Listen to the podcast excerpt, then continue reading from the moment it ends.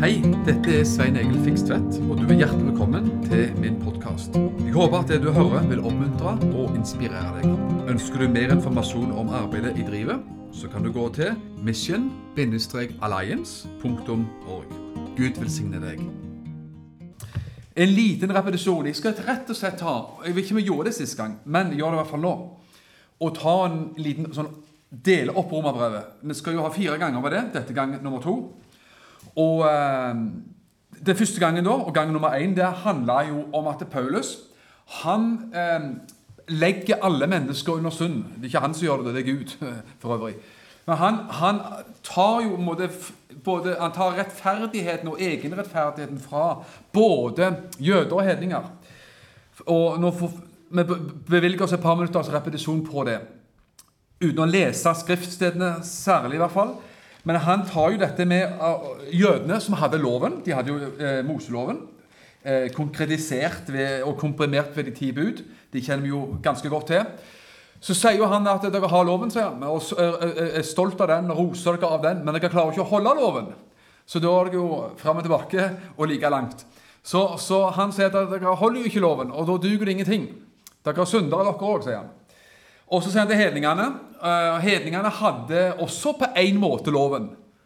De hadde ikke loven i form av den skrevne loven som jødene hadde. De hadde samvittighetens lov. Ikke sant? Alle mennesker har en samvittighet. Um, vi kunne sagt mye om det, og Paulus dveler en del ved det. Og sier at en, en, hedning, det er alle oss, uh, har jo en samvittighet og som forteller oss hva som er rett og galt. Nå er jo samvittigheten en litt sånn et tøyelig instrument som, som, varierer veldig. da. Men alle har jo en samvittighet på et eller annet vis som forteller noe, kanskje mye, om hva som er rett og galt. Og Paulus sier også at det, det er jo et instrument som vil dømme et menneske, eller frikjenne et menneske. Men Paulus sier også det at det, de, de som da hadde samvittighetens lov i hjertet sitt, hedningene Selv det var ikke godt nok for å bli rettferdig for Gud. Hvorfor det? Jo, for Gud er fullkommen. Og vi leste, tror jeg, sist gang også fra Matteus 5, når Jesus sa det fariseerne, eller at han sa det folket. Han sa det at hvis ikke deres rettferdighet langt overgår de skriftlærde og fariseerne, så kommer dere aldri inn i Guds rike, sa han. Og det ekskluderer alle av oss, faktisk. For vi har, ingen av oss har i, oss selv en rettferdighet eller en fromhet som skulle nå opp til fariseerne. Det er klart. Så det Paulus gjør, han, han sier både til jøder og hedninger, uansett hva, hva, måte de hadde loven på, enten skrift, i skriftlig form, som jødene hadde, eller også da bare ved samvittigheten, så sier han at det, det er ikke frelses vei god nok. Det holder rett og slett ikke mål. Det duger ikke. Og da skal, La meg bare lese noen få vers fra første del, som vi leste altså, og, og, og underviste om i, i forrige gang.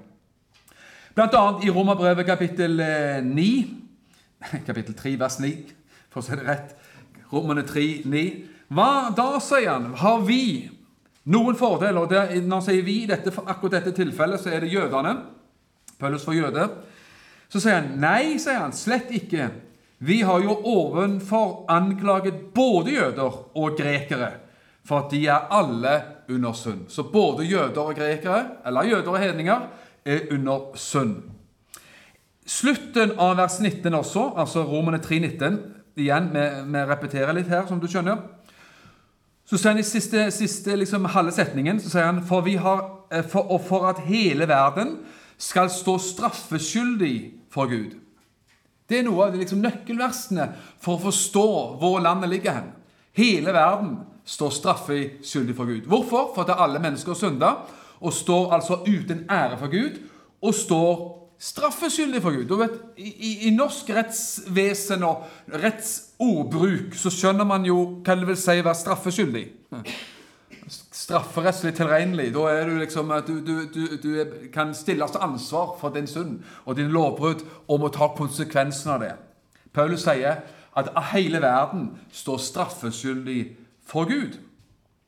Vers 23 det er jo det vi kanskje omtrent avslutta med sist gang.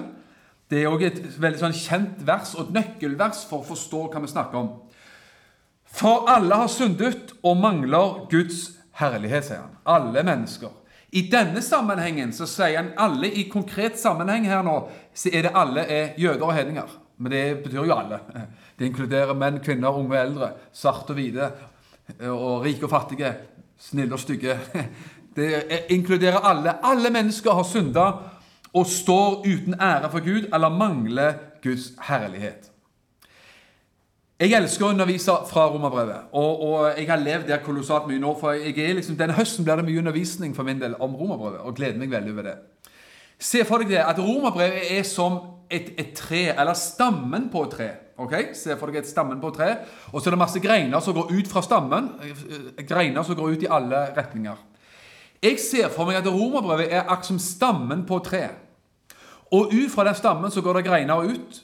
Og de greinene heter kanskje Galaterbrevet, eller Efeserbrevet, eller Filippabrevet, eller Kolosserbrevet, eller alle andre brev. For hvis vi får tak i budskapet i Romerbrevet, de 16 kapitlene som er der, som er frelseshistorien lina opp fra egentlig A til Å, fra begynnelsen til slutt, så skjønner man på mange måter alle de andre brevene i Bibelen. Det, det er liksom sånn jeg ser det. Det er en av de lengste brevene vi har. Det er jo det er første Korinterbrev òg, som også 16 kapitler. Men de fleste andre brev i Bibelen er 3, 4, 5 kapitler. Altså bare tredjedelen av det romerbrevet er. Og som jeg sier, det som er stammen på et tre, og så går det greiner ut fra det treet, som er de andre brevene, som tar da bruddstykker, biter fra romerbrevet, og dveler videre ved det, eller tar det og liksom nevner det spesifikt, f.eks. Efeserbrevet og Galaterbrevet. Derfor, igjen, har lyst til å si bli, bli eh, dyktig i romerbrevet. La oss være, alltid granske og grave og skjeske på romerbrevet, for å si det sånn. For det, det er bare fantastisk. Ok. Med andre ord alle, hele verden står straffeskyldig for Gud. Paulus avkler både jøder og hedninger all egen rettferdighet og sier alle trenger en frelser. Alle trenger Jesu offer. Jesu blodsoffer på korset. Det er det han snakker om. La oss da lese nettopp Romerbrevet 3, 23, og herved så går vi videre. For alle har synda og mangler Guds herlighet. Men de blir rettferdiggjort ufortjent av Hans nåde ved forløsningen, den som er i Kristus Jesus. Ham stilte eh, Gud fram som et soningssted ved troen i hans blod for å vise sin rettferdighet. For Gud i sin tålmodighet hadde båret over med alle synder som tidligere var gjort. Slik ville han vise sin rettferdighet i den tiden som er nå, så han kunne være rettferdig og rettferdiggjøre den som har troen på Jesus. Her går Paulus videre, og nå skal vi ta et ganske langt strekk i dag, faktisk.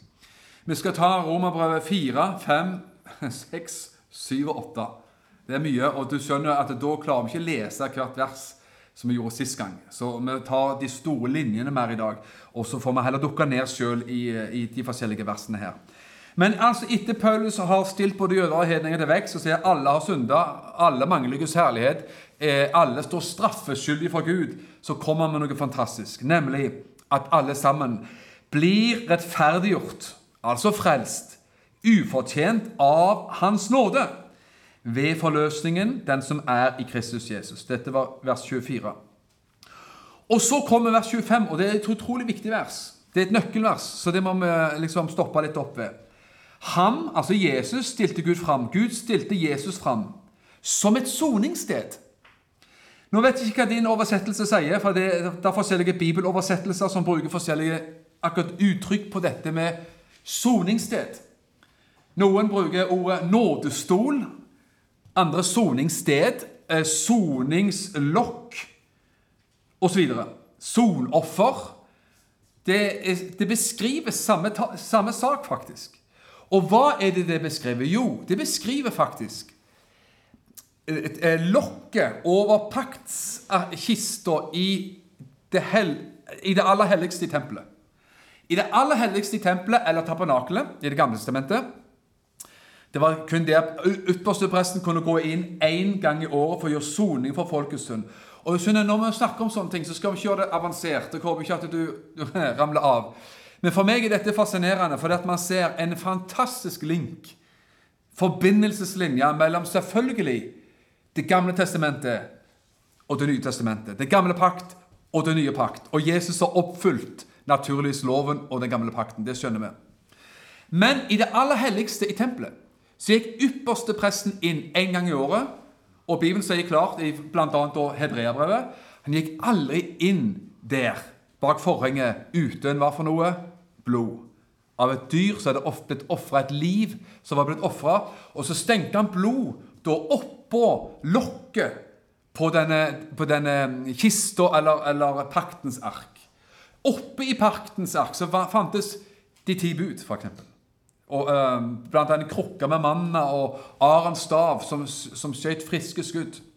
Men se for deg det. Oppi der så er loven. De ti bud. Kravene fra Gud. Standarden til Gud. Verdisettet til Gud. Det som Gud holdt som en standard og som et krav for alle mennesker. Og så hadde Det lå oppi denne kista, og så var det et lokk på den kista. Og så var det faktisk to engler, skapninger, som sto med utbredte vinger over mot hverandre, sånn som dette, over lokket. Og det var som om disse engleskapningene hadde utbredte vinger og så ned. Så ned på loven, så ned på de ti bud. Som menneskene ikke kunne klare å holde. Som sto der som et krav. Og litt sånn håpløst krav mot menneskeheten. For man klarte aldri å holde de ti bud for å bli rettferdig for Gud. Men der kom altså ypperste presten inn en gang i året med blod fra et uskyldig lam. Det fineste, det mest lyteløse lammet og, stengte det oppå det som da kalles her for soningsstedet. Altså stedet, det aller helligste, kjernen av det, av soning, forsoning, der det gjør soning for, eh, for menneskenes synd framfor Gud. Det var litt fra Gamle testamentet. Og her sier Paulus at Jesus, hans verk på korset og hans blod, er for oss i dag det soningsstedet. For der på Golgata rant hans blod til soning for vår synd. Og her, kommer, her, er det lett å snakke seg ut i alle kanter. vet du, For at Jesus, når han ga sitt liv for oss, da kalles jo han i Bibelen for Guds lam. Er du enig i det? Se, der er Guds lam som bærer verdens synd. Det var jo noe som, eh, som døperen Johannes sa om, om Jesus så er det viktig å se denne linken her, at Jesus har oppfylt alt det som skjedde i tempelet. Det som skjedde i prestetjenesten. Ofring av dyr, ofring av blod. Han ble lammet. På korset så ble Jesus det offerlammet. Men Jesus ble, var noe mer enn som så. I samme, på en måte, i samme forsoningsverket så var Jesus ikke bare Guds lam. Det er jo symbol, naturligvis. Han var ikke i alle bokstavelighet et lam, men han var den som ga sitt liv, ga sitt blod. sant? Men Jesus var én ting til, og det var at han var en ypperste prest, eller øverste prest. Så han var begge deler. Han var den siste og den beste og den viktigste øverste presten som gikk inn, sier Bibelen, med sitt eget blod framfor, inn i det aller helligste i himmelen og gjorde soning for menneskehetens synd. Altså Før den tid så hadde det hvert år i eh, ca. 1400 år før den tid, så hadde ypperste presten gått inn med blod fra et lam. Et uskyldig lam, det beste vi kunne finne. Men her er det altså Guds lam som ble ofra, og så er det Jesus sjøl som øverste presten som går inn og stenker ikke noe lamma blod for verdens synd, men sitt eget blod inn for vår synd. Hvis vi ser de tingene, at det er fiksa ikke av oss, heller ikke av en menneskelig øverste prest, men det er fiksa av Jesus sjøl, av Guds sønn, så, så blir Vet hva du blir? Du blir ganske glad. blir glad, Og du, man blir trygg i sin frelse. Så de tingene vi snakker om nå, det er virkelig bunnplanken i vår tro. Det er som grunnmuren på et hus. Det er, det er støypen i et hus med armeringsjern, masse armeringsjern nedi, sånn at det, det holder. Det, det, står gjennom alle stormer. Og Hvis man ser de tingene her, så vil du ha frelsesvisshet, du vil ha frimodighet og trygghet i troen. Så vers 25 er virkelig nøkkelvers til å forstå det som Jesus har gjort. Skal, skal, la meg lese noen ting, og ta det rett fra, fra notatene mine, men det står i Hebreabrevet. Skal få noen viktige vers fra Hebreabrevet, for at vi nå virkelig skal se kjernen i det Jesus har gjort. Og som du vet, allerede, så jeg er en som elsker å gjenta meg sjøl. Så jeg sier forrige gang så snakket vi om at alle mennesker står straffeskyldige for Gud. Alle står der, og ingenting roser seg av. Vi er avkledd og skamfulle framfor Gud, om du vil.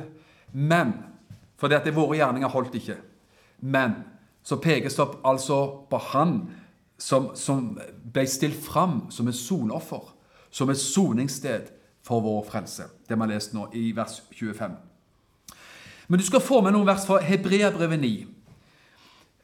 Bare noen få vers. Og, og for dette, Da skjønner man Og også Hebreabrevet er jo et utrolig brev som beskriver og forklarer dette med offertjenesten. Som skaper denne forbindelsen mellom Det gamle testamentet og Det nye testamentet.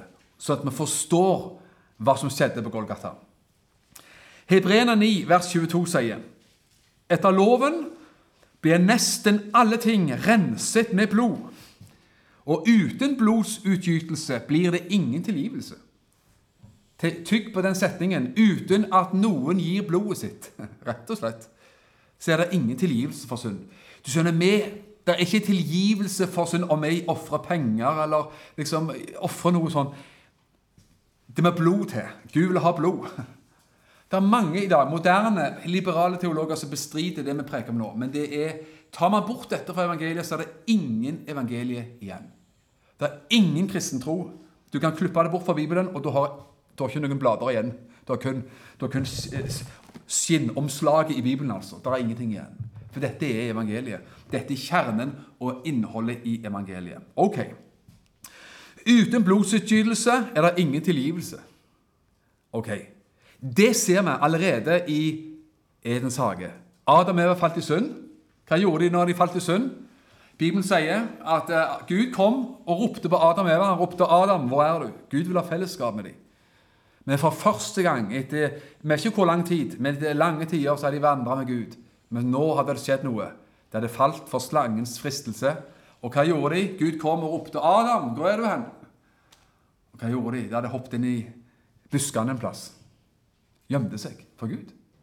De kledde seg egentlig med fikenblad, om du vil. De, de, skjønte at de var nakne, og de kledde seg så godt de kunne med dekka seg til med fikenblad.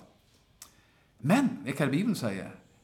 Litt seinere, etter Gud har tatt en liten god prat med dem, så står det der at Gud kledde dem med skinn, står det. Gud kledde på dem med skinn. Og da er spørsmålet hvor, hvor får du skinn ifra, kjære venner? Du får ikke skinn fra bjørketre. Får ikke skinn fra fikentreet heller. Skinn får du fra et dyr. Skinn får, får du fra et levende, et levende, dyr. Og hvis Gud kledde dem med skinn, da må jo et dyr ha blitt ofra. Blod må ha blitt ofra. Og vet du hva? Gud var den første ved Adam og Evas fall. Gud var den første i menneskehetens historie som ofra et dyr, og som kom og tilveiebrakte offer for Adam og Evas synd for at dyr ble drept, og de fikk, seg, de fikk kledd seg i skinn. Og vet du hva?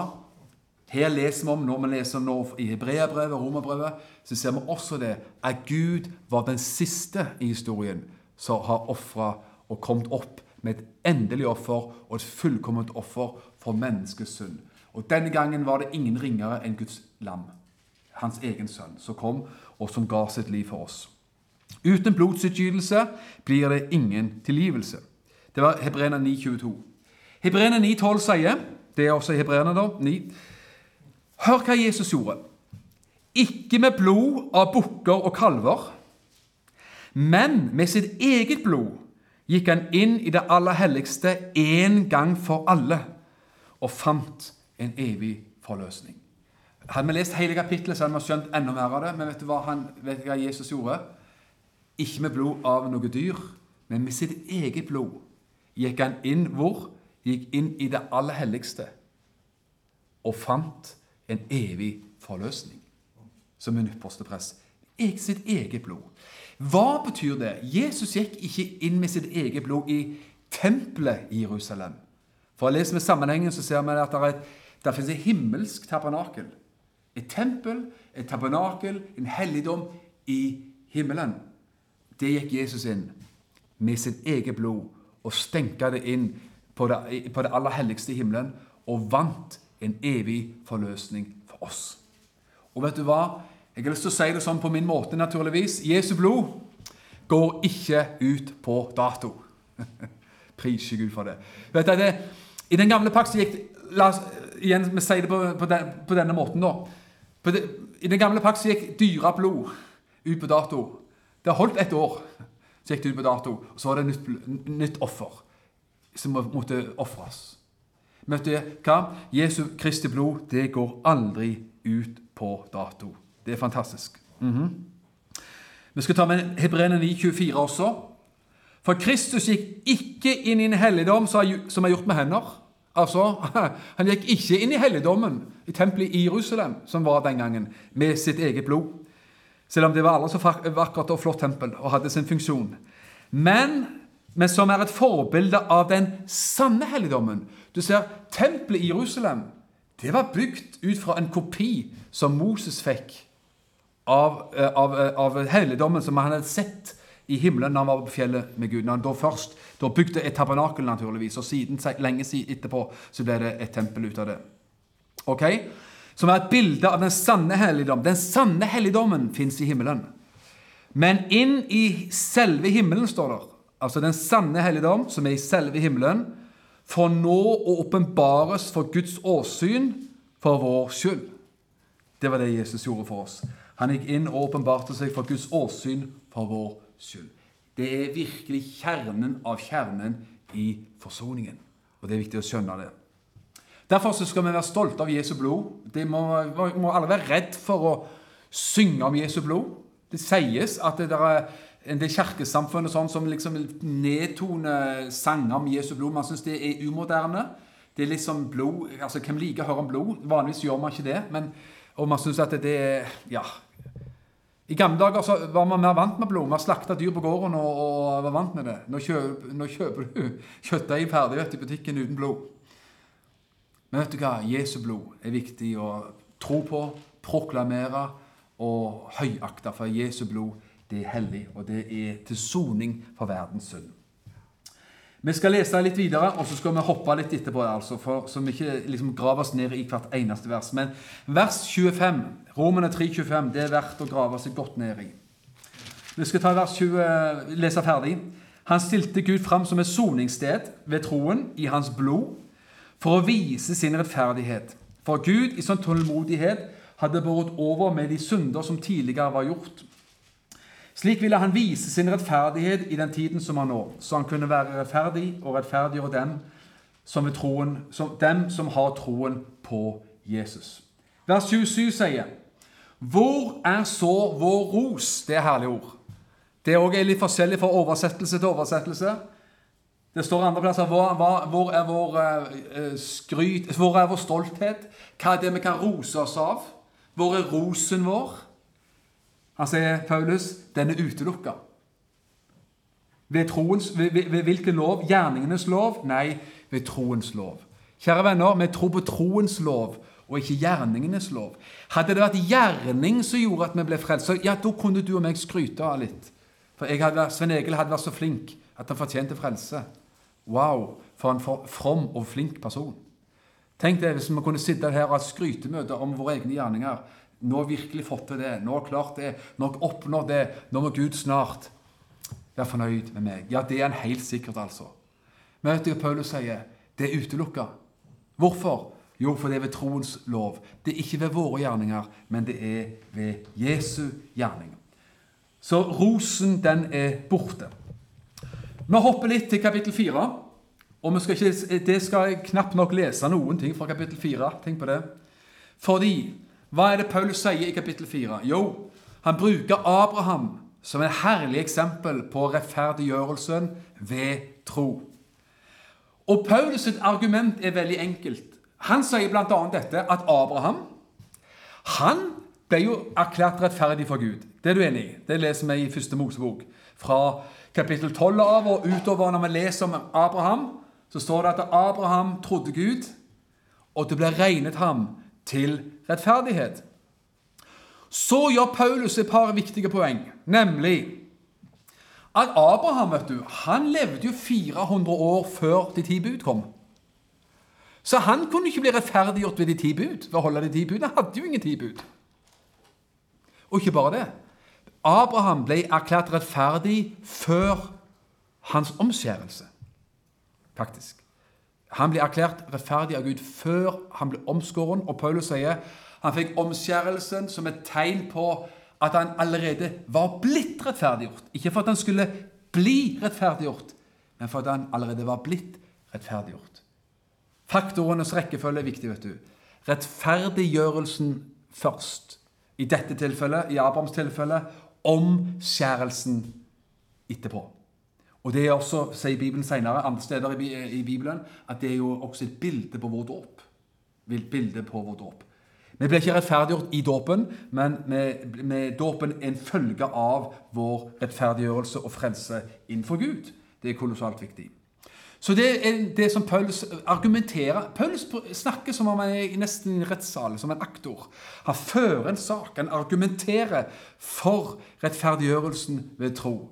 Og, og stiller spørsmål. Og igjen og igjen så stiller han spørsmål i brevet. Og så besvarer han sine egne spørsmål og fører en sak som om det var i en rettssak. Amen. Og han sier det at Abraham han fikk rettferdiggjørelsen, blir erklært rettferdig av Gud før omskjærelsen og lenge 400 år før loven kom. Og ditt forbilde på oss. Vi blir rettferdiggjort før våre gjerninger, eller før eh, Helt uavhengig av loven som sådan. Og når vi snakker om loven, så snakker vi jo spesifikt om de ti bud, som er liksom den konkretiseringen og spesifiseringen av selvfølgelig loven som er eh, større enn det. Men de ti bud de kjenner vi jo ganske godt til. Ok? Så det er fantastisk.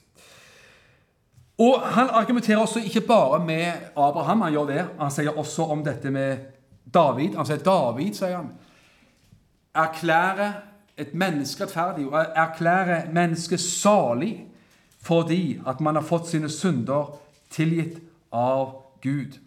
Og han sier at det også gjelder for oss i dag. Vi har blitt tilgitt av Gud. Ok, av Jesu blod, av det som er gjort av, gjennom Jesu Kristi kors og Jesu, gjennom Jesu Kristi blod. Ok, det var jo et kort kapittel, da. I hvert fall i kort form. Romane 4. Les om Abraham, og les hvordan han også ble altså rettferdiggjort, erklært rettferdig av Gud. Så kommer vi til Romane 5. ok? Og hva er det Paulus da gjør i Romane 5? jo, han oppsummerer det han har undervist så langt, og slår fast at et menneske blir rettferdiggjort for Gud ved tro, og at det er Jesu død som har gitt oss rettferdigheten eh, fra, eh, rettferdigheten fra Gud.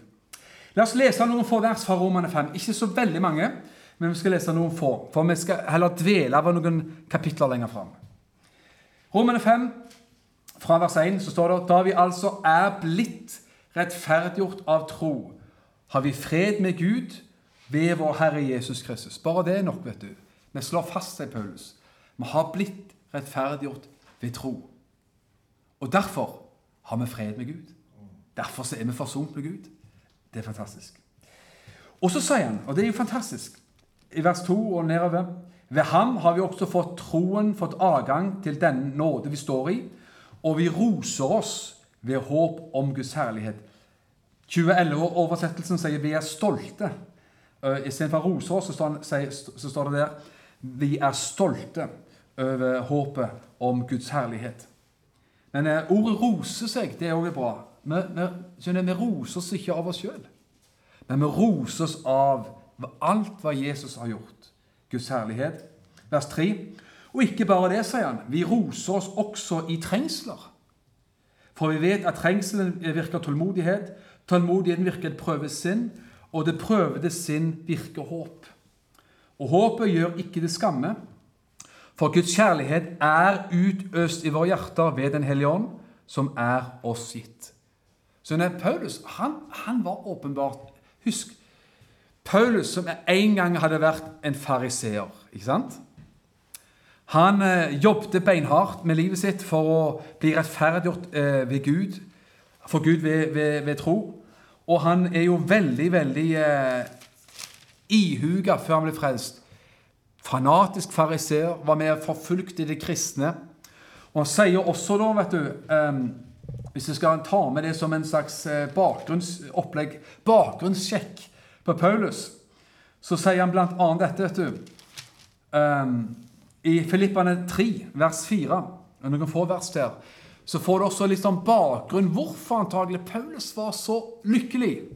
Og så er vi roser. Med, han sier jo i kapittel 3 hvor er vår ros? Den er utelukka. Men så går, går, han over til kapittel 5 og sier vi roser sier han. Å ja, vi roser oss i massevis. Men ikke av oss sjøl. Ikke av våre egne gjerninger. Men vi roser oss over de ting som har med Gud å gjøre. Filippene 3 skal du få en, en parentes eh, fra her. Filippene 3, vers 4. Det er interessant å lese når Paulus er personlige. Han sier, For selv om jeg også kunne sette min lit til det menneskelige, sier han, Altså det, i det menneskelige kunne prestere for Gud. Hvis noen andre mener at de kan sette sin lit til det som er, eh, til det som er eh, til det, de som er det de setter sin lit til det de er som mennesker, kan jeg det enda mer, sa han. Hvis noen tror at de skal bli rettferdige for Gud ved sin egen godhet og fromhet, så skal de bare vite, sier Paulus, at jeg stiller meg opp i den konkurransen. For han visste han visste hvor religiøs han hadde vært, og hvor religiøs han kunne være. Og så sier han etterpå altså han sier at Hvis noen vil konkurrere på det, så sier han jeg kan gå det i en høy gang. sier han. Og han sier etterpå, vers 5, Filipperne 3,5 Jeg er omskåret på den åttende dag av Israels slekt, av Benjamins stamme, en hebreer av hebreere i forhold til loven, en fariseer. I nidkjærhet en forfølger av menigheten, og etter rettferdigheten i loven var jeg blitt ulastelig. Så Paul snakker om sånn som han levde før. I forhold til det å bli rettferdig ved loven, sier han. Så ja, da var jeg ulastelig, sier han. Da, da, mener, da, var, jeg, da var det nesten ingen problem. Altså. Det, han, var så, han var kommet så langt at han var, fromhetsnivået var skyhøyt hos Paulus. Og så sier han jeg var så nidkjær at jeg forfulgte også de som ikke eh, som var på, på, det planet der, sånn, de kristne. Ok, Så sier han i vers 7.: Men alt det som var en vinning for meg, det regna jeg som tap for Kristi skyld. Alt han hadde snakket om til nå, hebreer av hebreere, omskåren på den åttende dag i forhold til loven, fariseer sånn, Alt dette, sier han, som var så viktig for meg før, har blitt tap, sier han. Det er borte vekk. Alt er borte vekk, og jeg regner det som tap for Kristus skyld. Han går enda lenger og sier ja, jeg, så visst regner jeg alt som tap, sammenlignet med det som er så mye mer verdt. Kunnskapen om Kristus Jesus, min Herre. På grunn av ham har jeg litt tap på alt. Alt det som han hadde skrutt av til nå. Alt sammen er borte, sier han. Og jeg regner det som søppel for at jeg kan vinne Kristus. Kan du se det? Hva som var viktig for Paulus? Hvor var hans skryt hen? Hvor var hans stolthet hen? Det var faktisk i eh, nåden i Jesus Kristus. Rettferdiggjørelsen i Jesus Kristus. Ikke lenger i omskjærelsen og det som hadde med loven å gjøre, han. Ok? Og det er fantastisk. Vi må lese noen få vers til i Romanene 5, så skal vi gå videre. Vi må lese fra vers 6, da, Romane 5, vers 6, og noen få vers. For da, mens vi ennå var skrøpelige, døde Kristus til fastsatt tid for ugudelige. Det er neppe noen som vil dø for en rettferdig. Hvor mange av oss vil gå liksom dø for en rettferdig? Så vidt. I beste fall, men, men, i hvert fall ikke for noen ugudelige. Du ville aldri gått i døden for en dumming. For, for noe som ikke var verdt det. Eller kanskje for en som er god, ville noen våge å dø. Men vet du hva Jesus gjorde? Han døde for kjeltringer. Oss. Han døde for kjeltringpakk og syndere, nemlig du og meg. Tenk på det. Du og meg kunne til nøds kanskje gå i døden for en god sak. Kanskje vi kunne gå i døden for våre nærmeste familiemedlemmer. Jesus gikk i døden for fiendene sine. Og så står det her vers 8.: Men Gud viser sin kjærlighet til oss ved at Kristus døde for oss mens vi fortsatt var syndere. Hvor mye mer skal da vi, nå som vi er blitt rettferdiggjort ved Hans blod, ved ham bli frelst fra vreden? Bare det verset der er jo også et kjernevers. Vi har blitt eh, rettferdiggjort ved Hans blod. Det har vi allerede lest om. Og vet du hva? Vi blir, har blitt, og vi blir frelst fra vreden. Hvorfor det? Jo, for det er, kjære venn, ingen vrede igjen for deg og meg. Hvorfor? Jo, for vreden nådde jo Jesus på korset. Når din sønn og min sønn ble spigra på Jesus på korset, da hagla dommen over Jesus.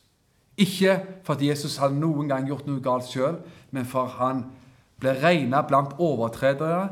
Han tok dine og mine overtredelser på seg, og han tok vreden for oss.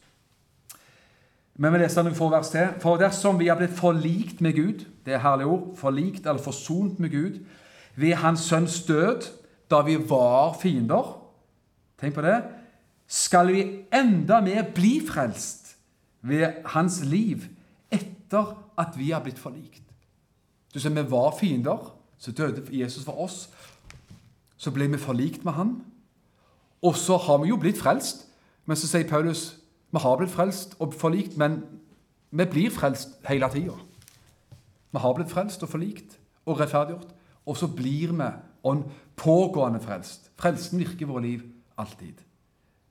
Frelsen virker i våre liv alltid. Altså frelsens verk og frelsens konsekvenser virker i våre liv. Så i siste halvdel av Romerbrevet 5 så snakker Paulus om dette, at Adams fall førte jo alle mennesker inn i synd. Altså, Adams fall gjorde at synden og døden, straffen og forbannelsen trengte gjennom menneskeheten. Det skjønner vi. Og han sier på samme vis som Adam gjorde det og ødela for alle, så har Jesu verk på korset tilveiebrakt forsoning for alle. Alle som vil ha det. Det gjelder alle. Det er kjøpt og betalt for alle. Han har dødd og blødd for alle. Likevel så står det jo veldig klart i vers 17 at det gjelder Det kommer de til del som tar imot. Som tar imot. Det er fantastisk. Og da sier, sier Paulus med, i vers 20 Romene 5,20. Men loven, sier han, kom ved siden av for at fallet skulle bli større. Det Paulus sier, at det før loven kom, før loven kom med Moses og de ti bud, så døde jo folk, folk døde jo før den tid òg. Folk var jo syndere før den tid òg. Det skjønner man jo. Også på Abrahams tid så var det ugudelighet, ondskap og synd lenge før loven. Og Da sier Paulus det at det, men, men hvorfor kom loven, da? Når synden var et faktum i Edens hage, ved Adam og Evas fall. Hvorfor hva, hva, skulle man med Moseloven, de ti bud osv.? Så, videre? så sier Paulus bl.a. Han dveler ved disse ting. Og så sier han at det er loven den kom vers 20, ved siden av. Den kom som et tillegg for at fallet skulle bli større. Altså, Den forsterker og utkrystalliserer det fallet som allerede var skjedd i Edens hage. Så loven er nesten som et slags forstørrelsesglass som forstørrer og forsterker eh, og viser oss hva synden er, og også viser oss at mennesket står straffeskyldig for Gud, og at mennesket ikke kan frelse seg sjøl. Det er lovens funksjon. Derfor kom loven. For Pauls har allerede forklart at Abraham ble jo erklært rettferdig for Gud lenge, flere hundre år før loven kom. Ja, Men hvorfor skulle vi da ha loven? Jo, den kom som et tillegg. Den kom som tilleggsmateriale for å demonstrere og vise syndens alvor og menneskets håpløse tilstand ved at man ikke kan frelse seg sjøl. Ok? Vers 21. Slik som synden hersket ved døden, skal også nåden herske ved rettferdighet til evig liv ved Jesus Kristus, vår Herre. Og så går Paulus videre i vers 6 og det kan kanskje kapittel, eh, kapittel 6, ikke vers 6, men kapittel 6. Kapittel 6, 7 og 8 har jeg lyst til å bruke litt tid på. mot slutten. Og eh, fordi at vi skal se det i en sammenheng, kapittel 6, 7, 8 Vi har allerede tatt eh, kapittel 4 og 5 nå, så vi skal ta videre her sånn. Og La meg igjen bare repetere bitte litt så du henger med. Første kapitlene, kapittel 1-3 cirka, vi tar det på cirka akkurat nå. Paulus sier at alle står straffeskyldige for Gud. Ingen kan bygge opp sin egen rettferdighet for Gud. Så kommer kapittel 17 av kapittel 3 om, for, om Jesu blod, forsoningen, ikke sant? rettferdiggjørelsen ved, ved, ved, Jesu verk på korset. Og så argumenterer Paulus videre i kapittel 4 om Abraham, som ble rettferdiggjort lenge, lenge, lenge før loven. Okay? Og lenge før omskjærelsen òg, for den saks skyld. Og sier at det på samme vis så vi blir rettferdiggjort uavhengig av loven. Abraham ble jo frelst uavhengig av loven. Mange hundre år før loven kom. På samme vis så blir du og meg frelst uavhengig av loven og det å holde loven. Fordi Jesus har holdt loven for oss. Ok? Så skal vi se i kapittel 6, 7 og 8 skal vi veve de litt sammen, da. Prøve på det. Og se at her demonstreres det kristne liv i praksis. Ok? Her, nå har Paulus tatt oss fra Adams fall og syndens fall i kapittel 1, 2 og 3. Så han tatt oss fra slutten av kapittel 3, 4 og 5 og fortalt oss om rettferdiggjørelsen og Jesu verk. Og så er neste fase, neste nivå, hvordan oppleves, hvordan leves dette rettferdighetslivet i praksis. Høres det greit ut? Er du med? Det er ingen som svarte, men ok. Jeg får svare sjøl, da. Og for at du skal få med For, for å ta med slutten av hele romerbrevet, da altså, Vi skal ikke ta alt i dag. Men, men i kapittel 9, 10 og 11 så dveler Paulus da ved Israel og jødenes plass i frelseshistorien. Så det kommer neste gang. Altså hvor, hvor, hvor, skal vi plassere de? Altså, Hvor hører de hjemme i alt dette? Det kommer neste gang. Og så, i kapittel 14, 15 og 16 så får du en masse viktige, praktiske tips og råd fra Paulus om hvordan videre, hvordan dette livet leves rent praktisk. Om forholdet forhold til styresmaktene, i forhold til kultur. Faktisk så dveler Paulus ved mange interessante ting i kapittel 14, 15 og 16. Men nå er det altså kapittel 6, 7 og 8 som akkurat nå da, eh, gjelder. Før vi går inn, så skal jeg prøve å si en ting til som hører med her. Og det er Jeg skal si det på en måte som jeg tror er rett. Jesus Gud har lagt lovens krav ned i alle mennesker. I samvittigheten. Er du enig i det? Samvittigheten er forskjellig. Eh, den som er oppvokst i et hjem med sterke verdier, eller sterke religiøse kristne verdier, har én type samvittighet. Den som vokser opp i et hjem der, der verdiene er helt annerledes, vil også ha en annen type samvittighet. Er du enig i det? Men alle har den mekanismen i seg, den stemmen som sier noe om hva som er rett og galt, kalt samvittigheten. Så er det sånn at lovens krav, Guds krav til et menneske, er egentlig nedfelt i samvittigheten til ethvert menneske. For det ligger noe universelt ved at alle mennesker overalt vet at noen ting er rett, og at noen ting er galt. Men så klarer man jo ikke å holde det, da, uansett, for at man er et syndig menneske som, er, som, er, som på grunn av Adams og Evas fall. Så lovens krav fins i alle mennesker. Men så er det et annet uttrykk som er fantastisk i Bibelen. Hva det er?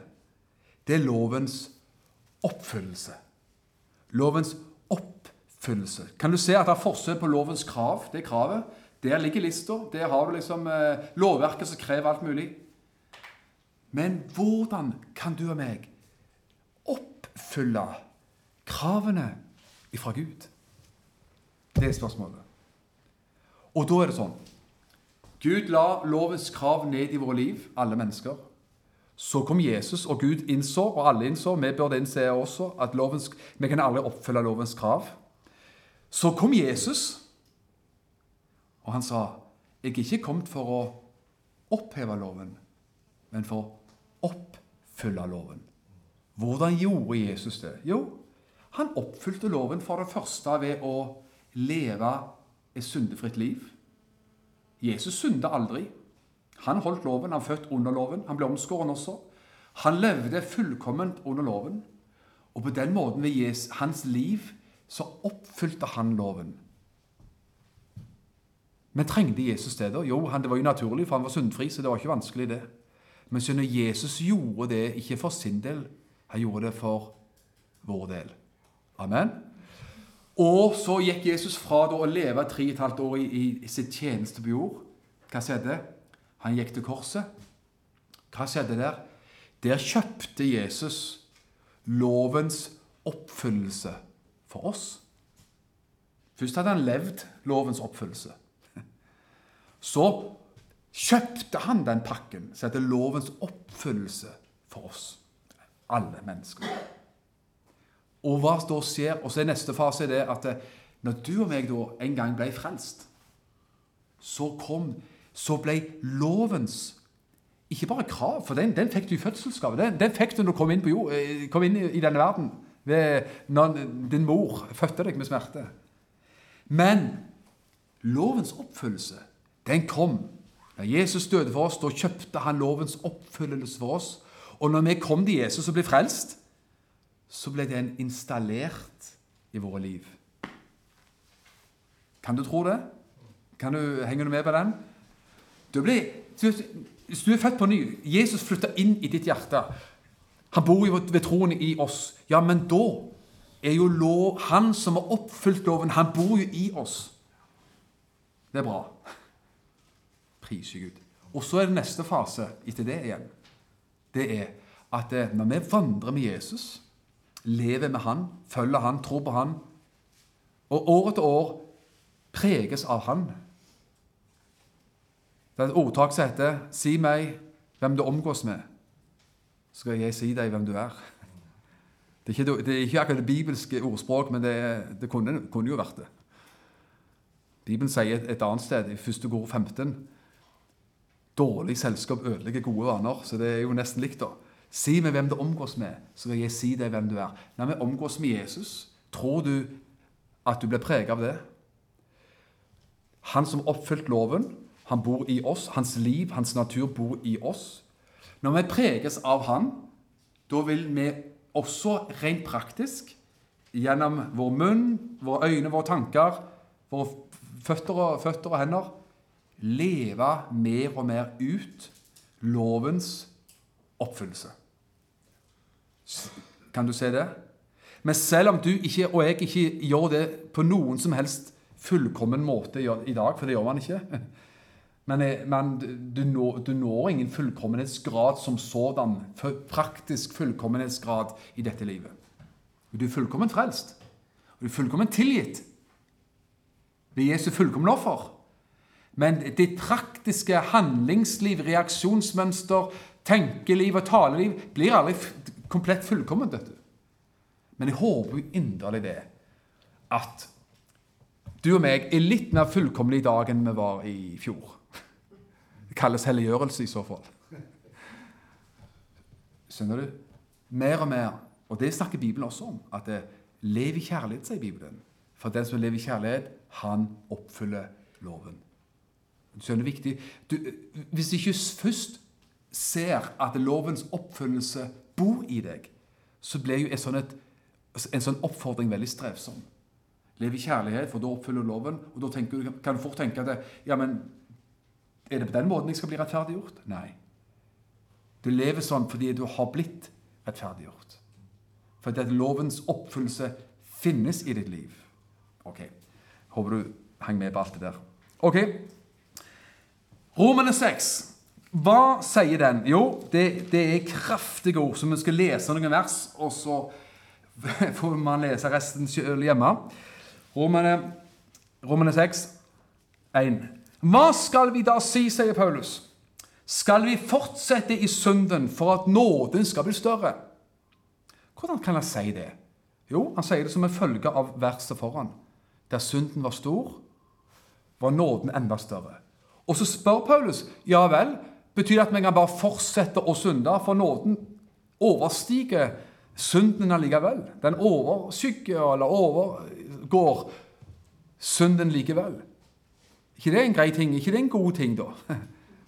Paulus sier feil, feil problematikk, sier han. Hvorfor? Fordi På ingen måte, sier han vers 2. For vi som døde fra synden, hvordan kan vi fortsette å leve i den? Kan du skjønne på Pauls logikk? Altså, Skal vi fortsette å synde som før? Nei, sier han.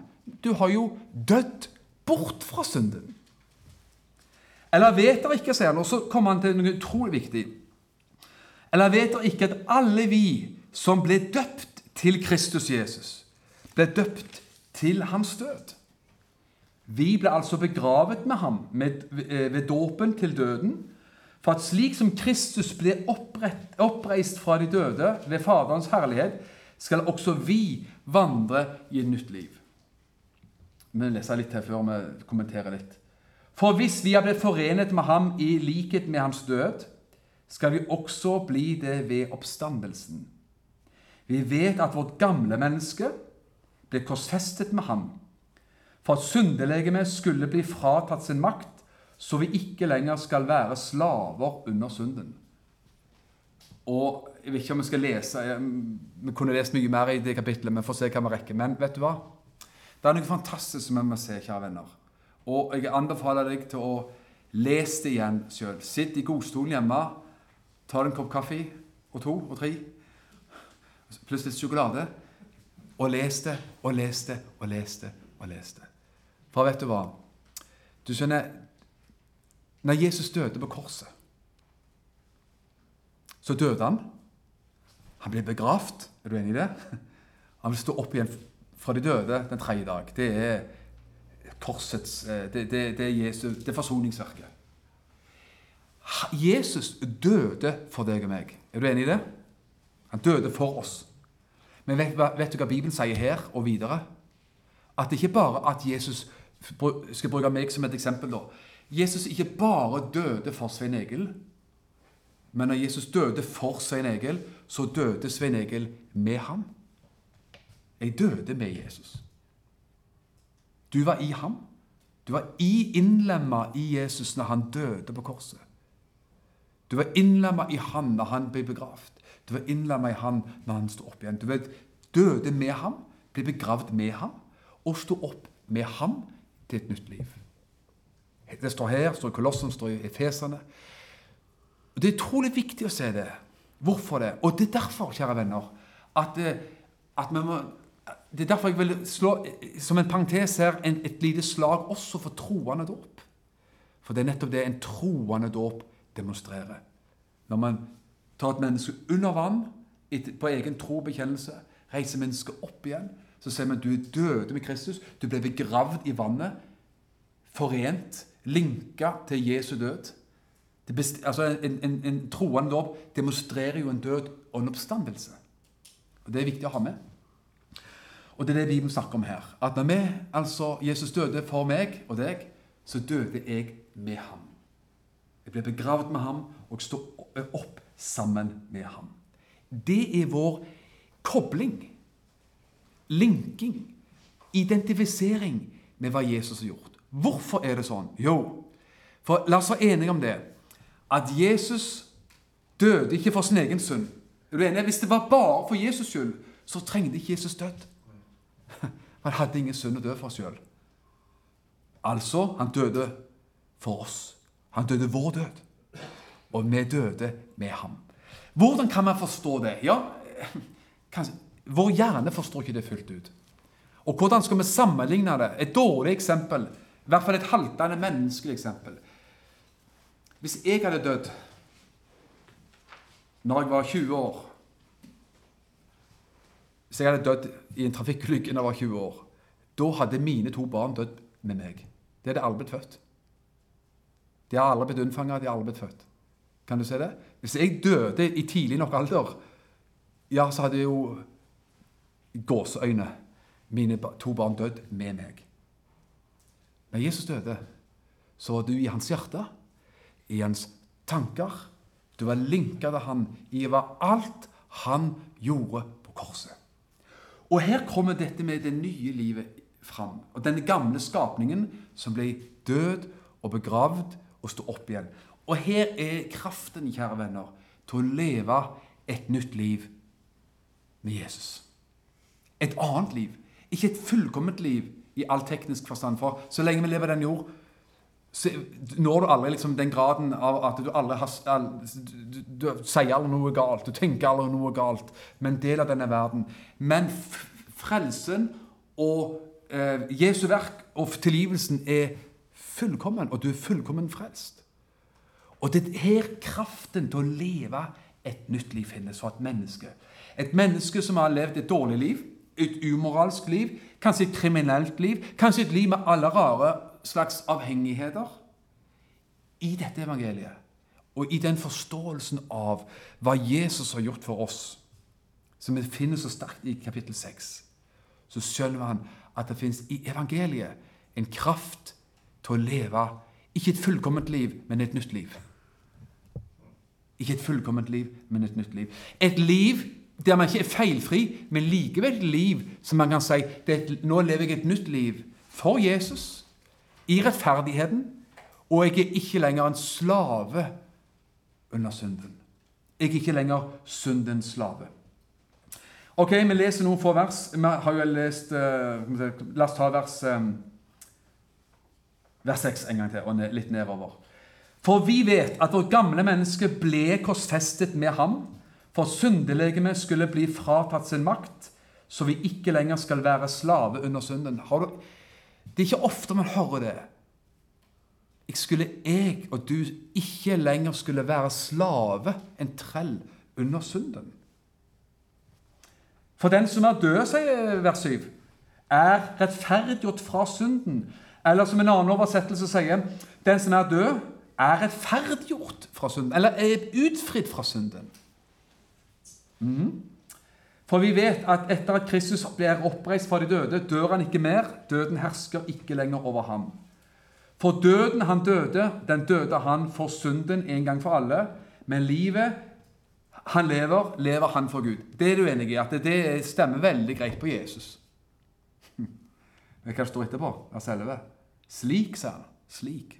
Jeg har, jeg har lagt sirkel rundt det verset der, eller det ordet. Slik skal også dere regner dere som døde for synden, men levende for Gud i Kristus Jesus.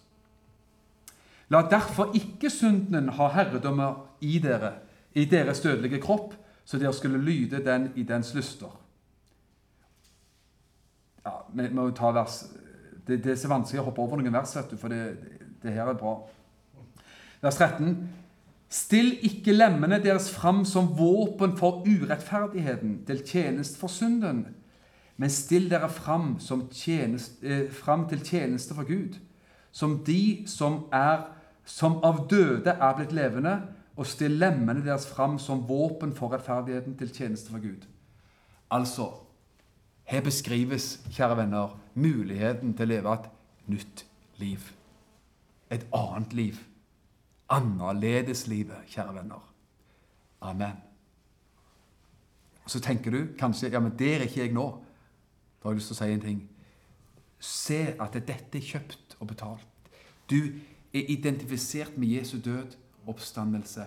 Og når man ser det, og forstår og har den båndplanken og plattformen i livet, så gjør det noe med vårt liv, med vår, vår identitet, med forståelsen av hvem vi er, og hva vi er kjøpt til. Og jeg sier igjen at det, du, du, vil ikke se en full, total fullkommenhet i, din, i, ditt liv, jordiske liv på det. Men vet du hva? Det er en kraft og det er en ressurs i evangeliet til å få lov til å leve et nytt liv. Er du enig i det? At, og at det å være en slave under synden, det tilhørte det gamle livet til. Du, vi skal hoppe videre, ellers så graver vi oss helt bort her. Vers 22 han sier vi nå, eh, vers 20, vi tar vers 20, Romerne 6, 20. Da dere var sla, syndens slaver, var dere frie fra rettferdigheten.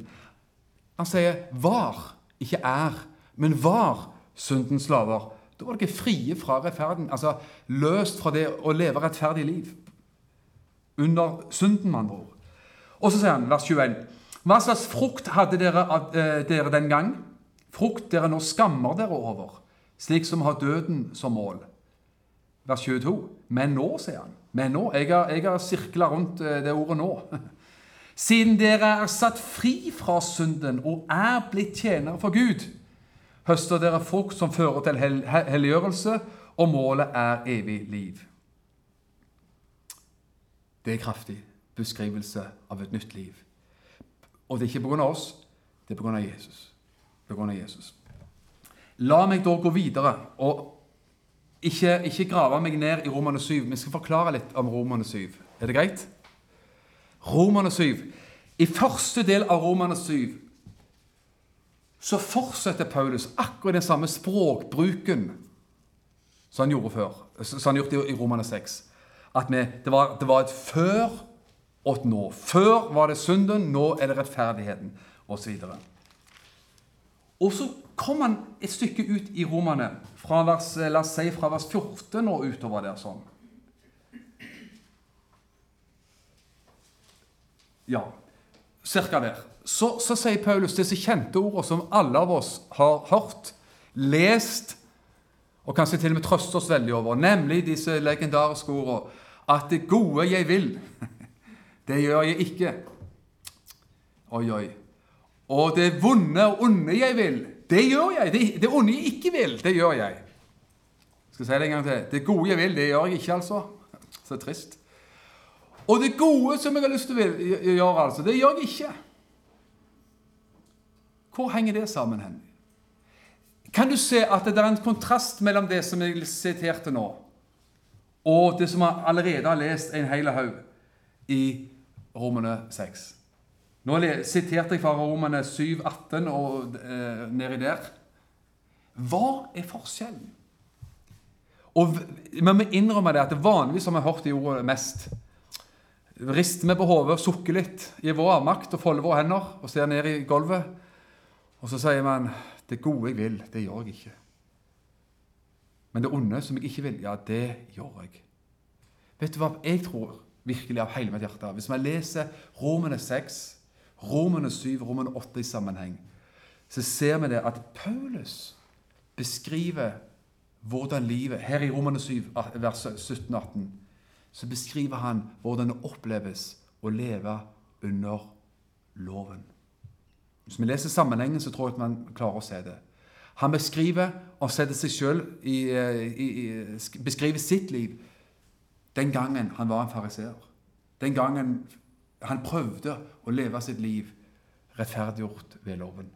Og se, Det er problemet. Lovens krav var der oppe, skyhøyt. Men det syndige mennesket klarte aldri å nå opp og nå fram. Så hvis man leser i sammenheng, så er det min påstand at man Pøls beskriver seg sjøl, sitt liv, det livet han hadde den gangen han levde som en fariseer under loven. Og så har vi ofte brukt det som en beskrivelse av vårt liv som kristne. Mens hvis det stemmer at det er et liv som stemmer på oss som kristne, Hvorfor trenger man nå Romane 6, som sier at det, før levde vi som slaver under synden, men nå lever vi under rettferdigheten? Ok, det er min påstand. Og her strides skal jeg innrømme det, her strides de kristne litt. Hvor plasserer vi disse versene? Hva betyr de? Hvor, hvor, liksom, i, i, hva, hvor hen på tidslinja plasserer vi disse, disse versene? At det gode jeg vil, det gjør jeg ikke. Og det, vonde til, det dårlige ting som jeg ikke vil, det, det, det gjør jeg. Hvor plasserer vi de hen? Ja, Mange plasserer det nesten som sentrum av kristenlivet sitt. At det, det er sånn mitt liv er. Men da er det i hvert fall lett å si at Bibelen har et bedre liv, et rikere kristenliv, enn at man skulle være som en kristen, leve som en kristen, som slave under synden. Amen. La oss gå videre til Roman 8 så er det siste kapittelet, så du skjønner at da, da er vi snart i land. Vi har lest kapittel 6, der han beskriver så strålende om et nytt liv i Kristus. Så snakker vi om eh, siste del av eh, Romane 7 om dette nederlaget, denne selvstrevet, dette, denne, dette svettet av krist, eller ikke kristne livet, det svettete, religiøse livet, der han ikke får det til. Og Roman 8, da. Igjen så kroner Roman 8 eh, Det kroner livet med seier.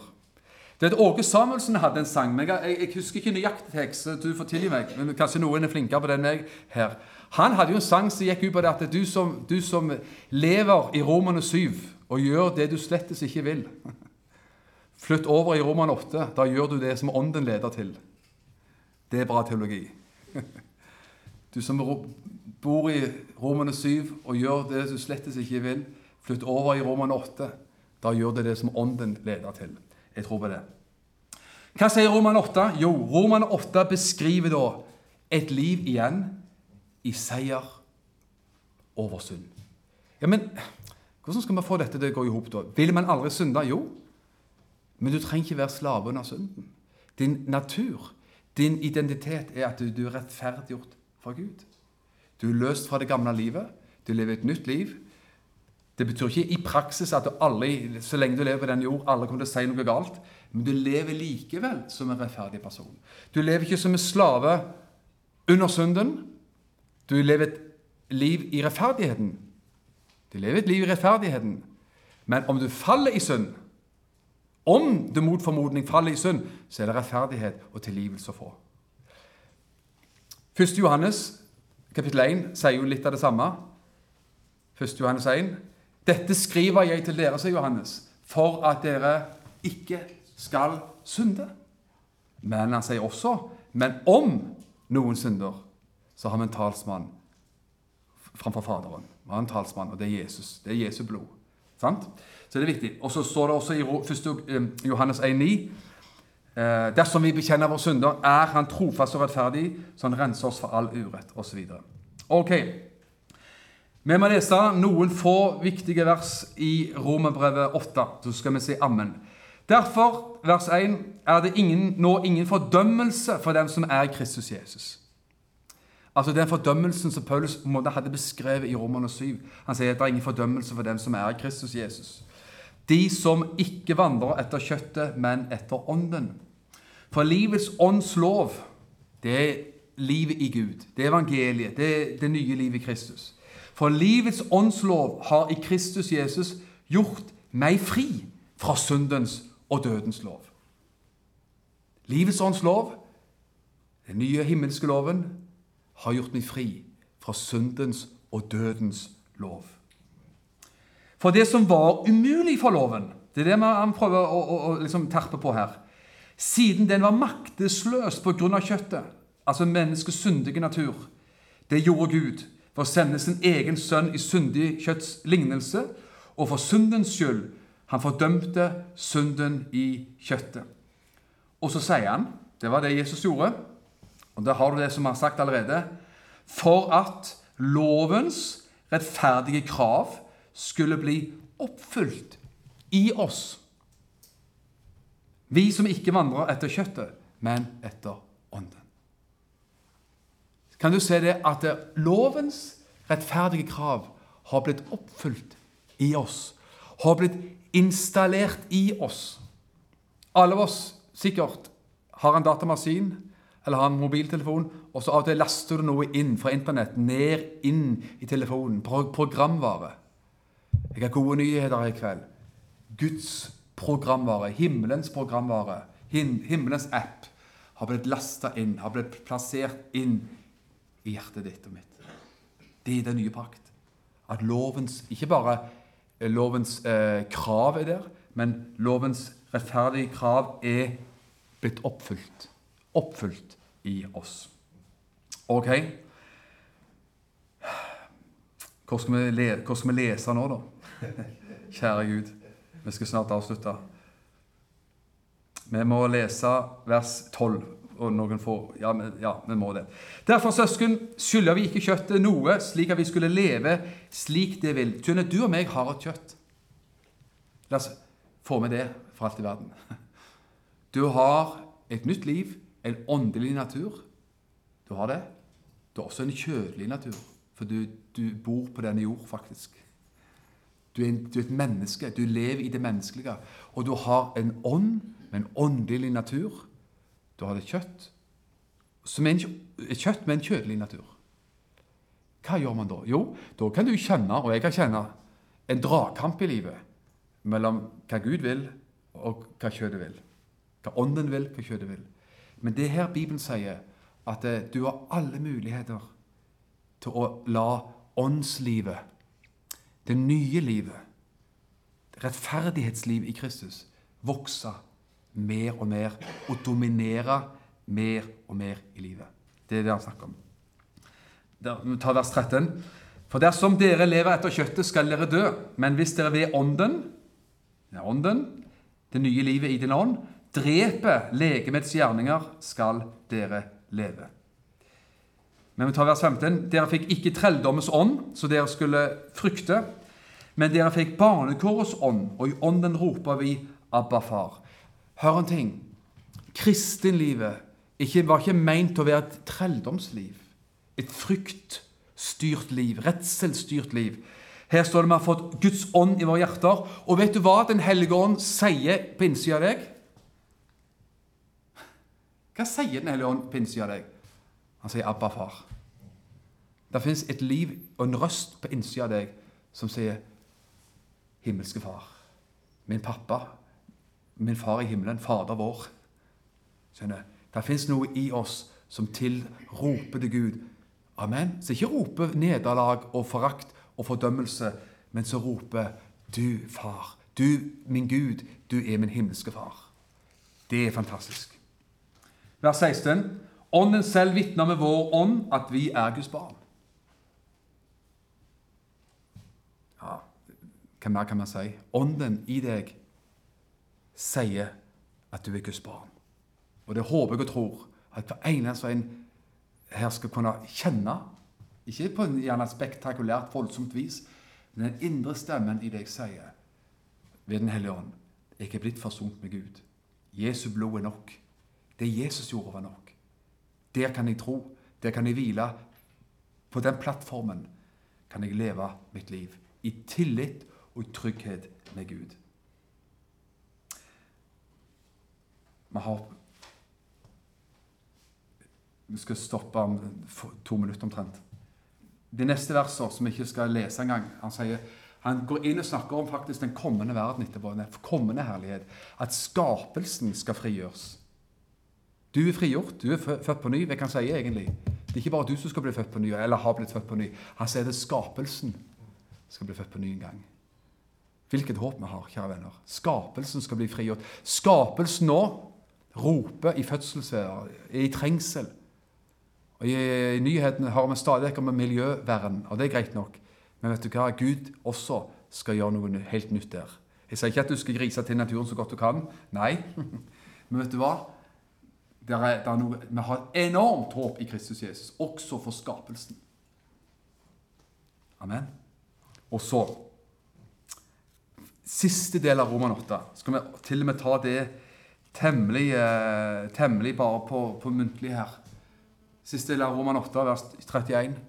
Og utover så snakker han om en Paulusen hyldningstale til Guds kjærlighet, faktisk. Hvem kan skille oss fra Kristi kjærlighet? Vers 35. Ja, han sier. Hvem kan skille oss fra Kristi kjærlighet? Så kommer han med masse forslag. Trengsel, angst, forfølgelse, hungersnød, nakenhet, fare eller sverd. Det var alle de tingene han opplevde hele tida. Så sier han bare Hvem kan noen av de tingene skille oss fra Guds kjærlighet? Svaret sier seg sjøl. Han kommer med svar til slutt. Men i alt dette, vers 37 skal vi mer enn seire ved Han som elsket oss. Vet du, vet du, hva som gir oss seier? Vet du hva som gir oss godt mot? Vet du hva som hjelper oss i denne verdens trengsler? For de finnes. Åpenbaringen om Guds kjærlighet. Troen på, vissheten om Guds kjærlighet. Det er det Paul sier. Vi skal seire. Ja, Hvem har ikke lyst til å seire, da? Seire gjennom livet. Seire gjennom livets stormer og kriser. Hvordan seirer man? Ved Ham som elsket oss. Og Paul spør er det noen ting i denne verden som kan skille oss fra Kristi kjærlighet. Han sier klart nei til det. Han sier til slutt, vers 39 Og da er det ikke mer vers igjen, så da må vi slutte. Verken har han visst på det, sier han. Jeg er viss på det, helt sikker på det. Verken høyde eller dybde eller noen annen skapning skal være i stand til å skille oss fra Guds kjærlighet, den som er i Kristus Jesus, vår Herre. Jeg er viss på det. Ingenting. Hva makter og myndigheter som fins, trengsler som fins, skal være i stand til å skille meg fra Kristi kjærlighet. Amen. La oss be sammen etter denne lange andakten her. Far i himmelen, jeg takker deg at vi kan få lov til å se disse tingene, Herre. Jeg vet at eh, vi har jo nesten sagt hatt halve romerbrevet i dag. Og jeg bare ber at vi skal se de store linjene, Herre. Jeg ber at vi skal få se rikdommen. Og kjenne fremfor alt bare på det at eh, alt som en ikke får med oss i kveld, så man får lyst til å grave seg ned i sjøl. Lese og lese, grave og gruble, be og tenke, reflektere, Herre. Og kjenne på det at dette er noe man vil se og forstå og trenge inn i. Jeg ber om det i Jesu navn. Alt fra det som har med rettferdiggjørelsen, offeret på korset, blodofferet på korset, Herre, og, og denne hyldningen, denne, denne triumfen om hva din kjærlighet betyr i våre liv. Når livet er godt, og når livet er røft. Jeg takker deg for det i Herren Jesu Kristi navn. Takk for den frelsen vi har. Takk for frelseshistorien. Takk for det som du har gjort. Og se oss, Vi ser og skjønner mer og mer, Herre, at alt er gjort av du. Det er gjort av deg alt sammen, Herre. Det er vår enkle rolle, her å tro det, akseptere det, ta imot det. Og bli blenda av det lyset som stråler fra evangeliet. Herre, jeg vil be for hver eneste en av oss. Herre, du ser hvor man er i livet. Herre. Du ser de av oss som opplever at dagene er gilde og gode og lette, og, og, og alt går så greit. Du ser de av oss som opplever at man går i harde, hardt og kupert terreng herre, med oppoverbakker i livet, og man kjenner at det er tungt. Spesielt for de som opplever det sånn her, så vil jeg be om at man skal få bare en ny, forfriskna, forfrisk, eh, forfriskna eh, åpenbaring over hva din kjærlighet virkelig er, og hva den betyr. I Herren Jesu Kristi navn. Amen. Takk for at du har lytta til denne podkasten. Jeg ønsker deg en velsigna god dag.